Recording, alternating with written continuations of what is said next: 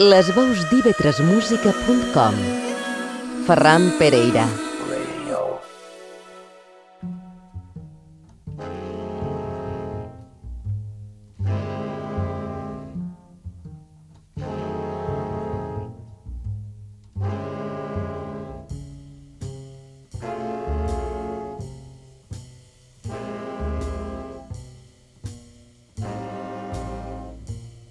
Tercer Festival de Jazz de Palma, Chic Corea amb Gary Barton i Chet Becker.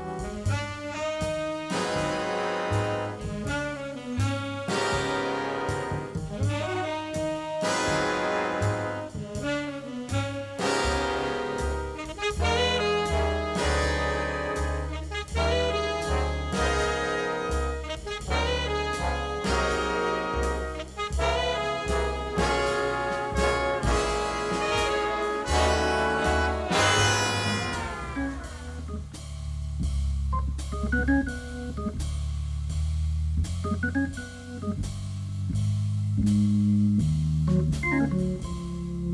you.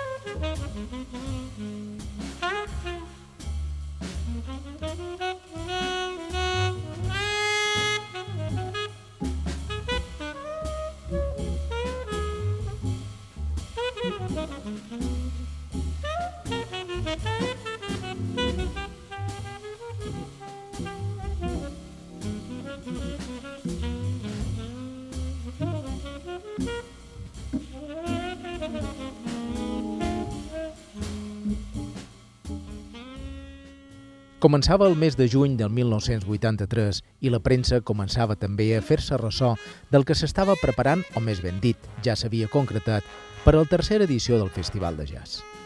Sabíem que els concerts començarien el 25 d'aquell mateix mes i s'allargarien fins passat la primera quinzena de juliol.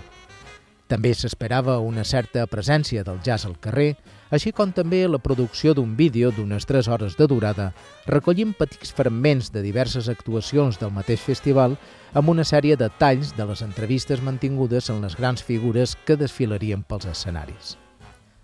El vídeo es projectà més i mig després d'haver acabat el festival a la Sala Mozart, la petita de l'Auditorium, en dues sessions, a les 5 i a les 8 i mitja del vespre respectivament.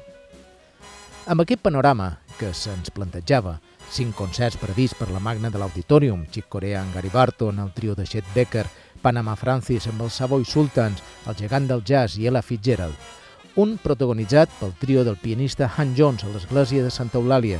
Intervencions al carrer, projeccions, la retransmissió en directe dels concerts a través de l'emissora Antena 3 Última Hora.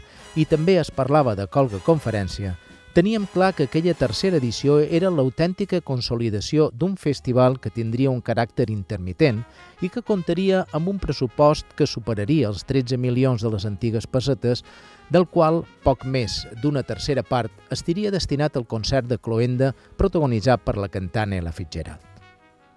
Una vegada aprovat el pressupost per unanimitat de tots els membres del consistori palmassà, la tarda del 23 de juny viuríem el pròleg del festival amb l'actuació de la Big Band de Palma dirigida per Perico Linale a la plaça d'Espanya. Després, el juliol, actuaria també al Passeig del Born. Era la primera cita d'aquesta música al carrer i, com que havia esperar, comptar en gran recolzament per part del públic. La segona seria el 24, repetint-se també altres dies, quan una caravana es passejar per ciutat, animant a rima de Dixland els carrers i promocionant l'esdeveniment que l'endemà donaria el sus a les actuacions de sala.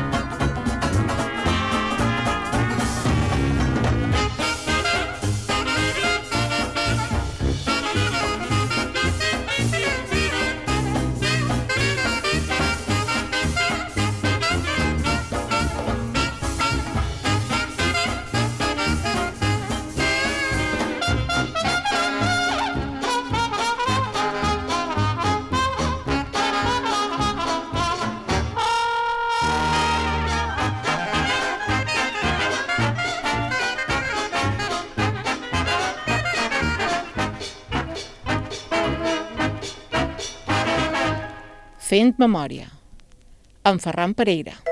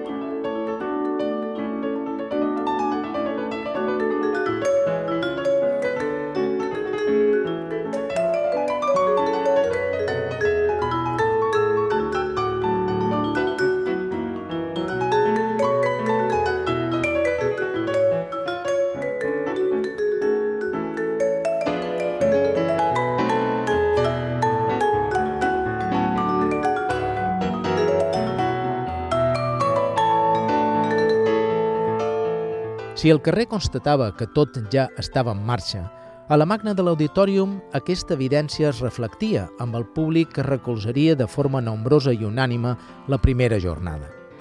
Per una banda, era d'esperar. Corea era un gran músic amb una trajectòria molt més que contrastada en tot una llau d'àlbums que es coneixien perfectament, amb registres que anaven des dels clàssics, els estàndards, fins a les propostes més elèctriques i fusionades amb el rock, fet que li oferia un ventall molt ampli de seguidors.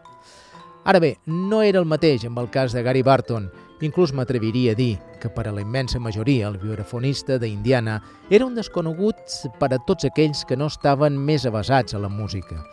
En canvi, els més aficionats sabíem que havia format el seu primer grup el 1967, en només 24 anys, en Larry Coryell, Steve Swallow, Roy Hines i Bob Moses, i a partir del 1970 havia signat per al segell ECM i gravat amb un dels nostres vells coneguts, com era Kay Jarrett, a més de Corea hem de reconèixer que, tot i que podíem eh, conèixer àlbums com Crystal Silence, Duet in Concert Zurich, octubre 28, 1979, i que els dos músics ja feia una dècada que col·laboraven de forma intermitent en diferents projectes, aquesta proposta de duo entre piano i vibràfon resultava novedora per a la majoria de nosaltres.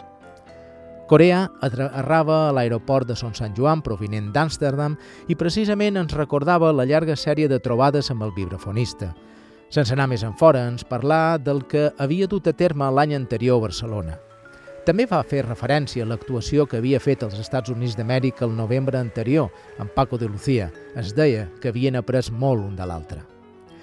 Gary Barton venia de fer una gira per Rússia i a la improvisada roda de premsa que va fer a l'hotel ens explicà que el projecte de treballar en Corea sorgí d'un experiment circumstancial i al veure el grau de compenetració entre els dos, aportant a la música coses noves i que quasi no s'havien fet, decidirien anar-se retrobant esporàdicament. El 25 de juny, a la Magna de l'Auditorium, presentava un aspecte pràcticament immillorable en la sala plena – L'expectació era absoluta per a descobrir el que ens depararia la intersecció sonora entre amb dos instrumentistes. Corea i Barton s'acoblaren a la perfecció en un exquisit encreuament entre tècnica escrupulosa i improvisació imaginativa. Registres plens de matisos i d'una netedat magistral amb una mescla entre música melòdica i lírica. Alternaren peces de llarga durada amb altres tan breus que salvava, semblava alternaren peces de llarga durada amb altres tan breus que semblaven estudis de sincronització i compenetració extrema. Un dels punts àlgids del vespre ser quan el pianista frontal Round Midnight de Monk i el públic semblà embogir. En canvi, la breu aparició sobre l'escenari de la dona de Corea cantant uns temes resultà la nota dissonant del concert.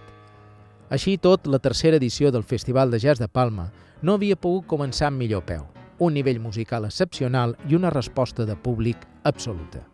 Ara només quedava esperar 10 dies per a saber què ens depararia el segon round.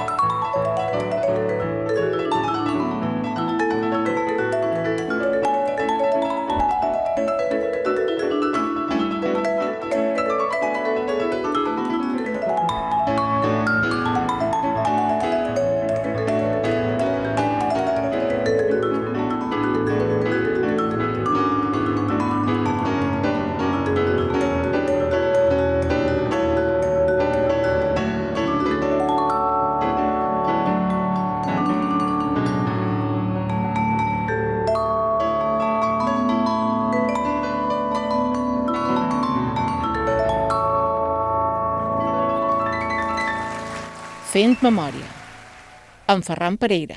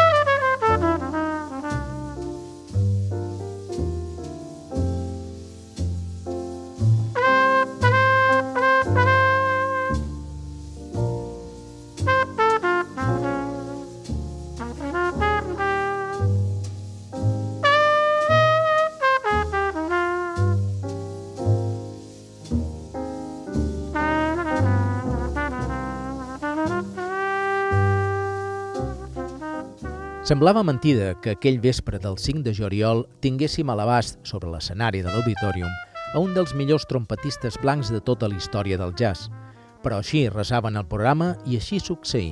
Chet Baker, l'ànima i sonoritat més melangiosa i romàntica del jazz, es presentaria el 5 de juliol acompanyat del guitarrista Sing Levitt i del contrabaixista Eric Peter, a trio, com darrerament era costum per al músic de Yale a l'estat d'Oklahoma i com el vespre anterior s'havia presentat a la Sala Celeste de Barcelona. Becker arribava cansat i no ho amagava, però va rebre els periodistes a l'hotel on s'allotjava en una roda de premsa en la que el propi Eric Peter eh, faria d'intèrpret. Ens comentà que inicialment el seu pare volia que toqués el trombó, però la trompeta era l'instrument més natural per ell. Se li demanà pels instruments del jazz eh, per quin creia que era el més adient, el que contestà que en qualsevol instrument es podia fer jazz perquè aquesta música és sobretot improvisació i el que realment importa és la capacitat, habilitat i imaginació de l'intèrpret. També se li demanà per la mancança de la bateria en la seva formació, el que contestà que no necessitava ningú tocant aquest instrument, que feia massa renou i a ell li agradava tocar les notes justes. I és que així era en realitat la música de Becker, les notes justes, encertades i en cada una d'elles hi depositava una estella del seu cor. Becker cantava així com tocava la trompeta i tocava la trompeta així com cantava, Personalment diria que el registre no varia ni una misèria perquè no importa si el mitjà de transmissió era un instrument o la veu, el grau d'emotivitat disposat era el mateix i de la mateixa manera.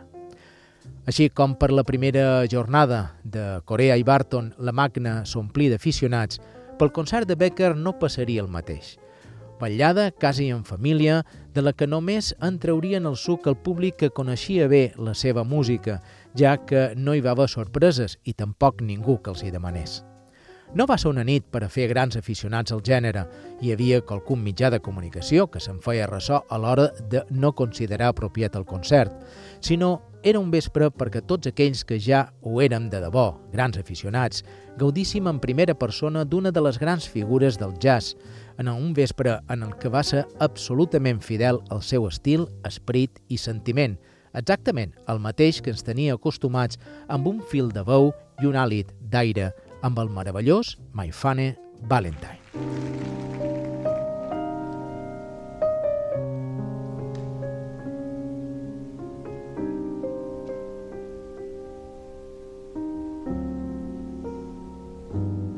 Fem memòria, un jascòlic. funny Valentine. Sweet coming, coming time.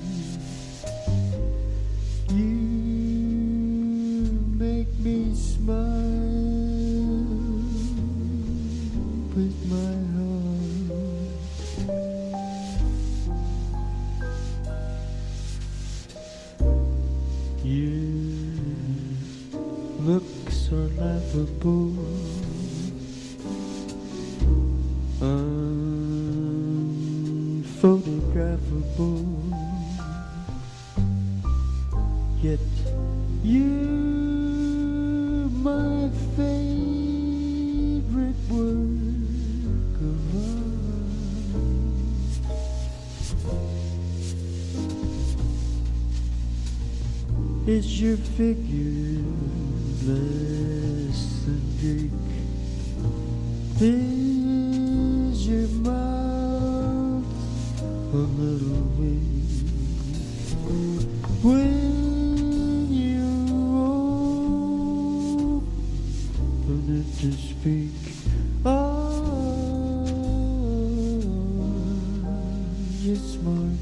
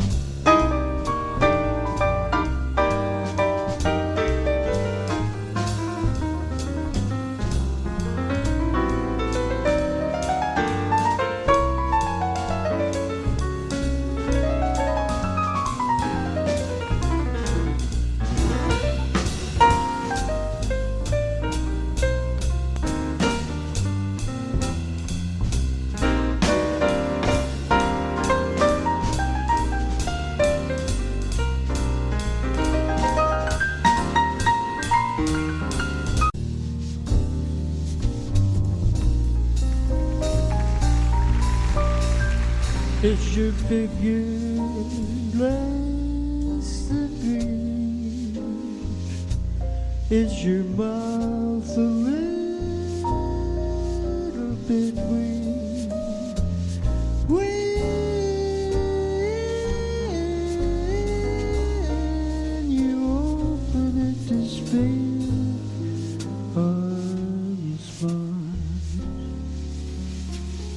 But